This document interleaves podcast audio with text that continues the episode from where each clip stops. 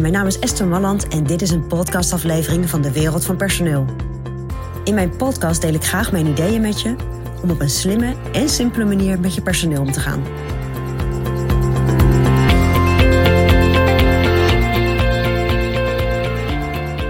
Een officiële waarschuwing. Wellicht heb je daar ooit al een keer eh, mee te maken gehad en heb je iemand een officiële waarschuwing gegeven.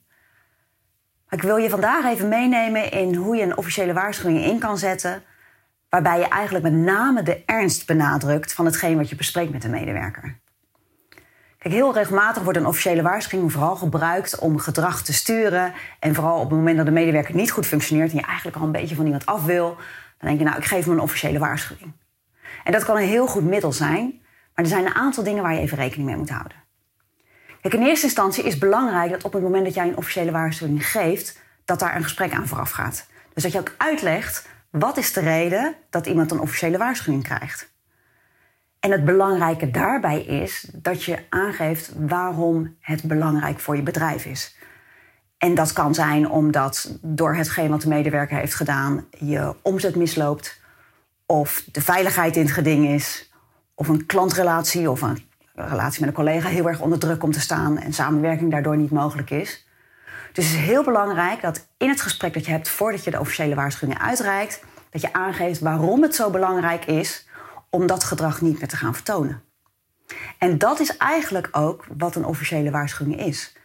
Je geeft daarmee aan dat het gedrag wat de medewerker heeft getoond, wat hij heeft gedaan, dat dat niet acceptabel is. En dat je dat zo belangrijk vindt dat je daarom een officiële waarschuwing geeft. En heel vaak zit je natuurlijk ook in een officiële waarschuwing.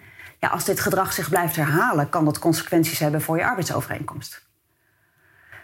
Wat dan gebeurt, je hebt een gesprek, je overhandigt een officiële waarschuwing en dan gaat er natuurlijk iets gebeuren in de relatie met je medewerker.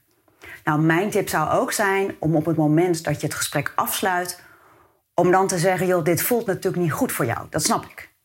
Maar realiseer je dat vooral ik hiermee wil aangeven, is dat het heel belangrijk is voor ons bedrijf dat je dit gedrag niet meer laat zien. Er zijn echt een heleboel aantal dingen die je gewoon wel goed doet, maar dit is onacceptabel. En door middel van deze officiële waarschuwing wil ik de ernst ervan aangeven. En wil ik aangeven dat het me echt serieus is. Nou, ik denk dat op het moment dat je op zo'n manier afsluit, de relatie lekkerder loopt dan wanneer je met een soort grumpy gevoel uit elkaar gaat. Dat is voor jou niet fijn, maar is ook voor de medewerker niet fijn. Nou, dat is mijn persoonlijk advies vanuit de wereld van personeel. Wil je ontwikkelingen in de wereld van personeel blijven volgen? Abonneer je dan op ons podcastkanaal. Ook op onze website vind je allerlei slimme ideeën en adviezen. Dus kijk even rond op www.dewereldvanpersoneel.nl.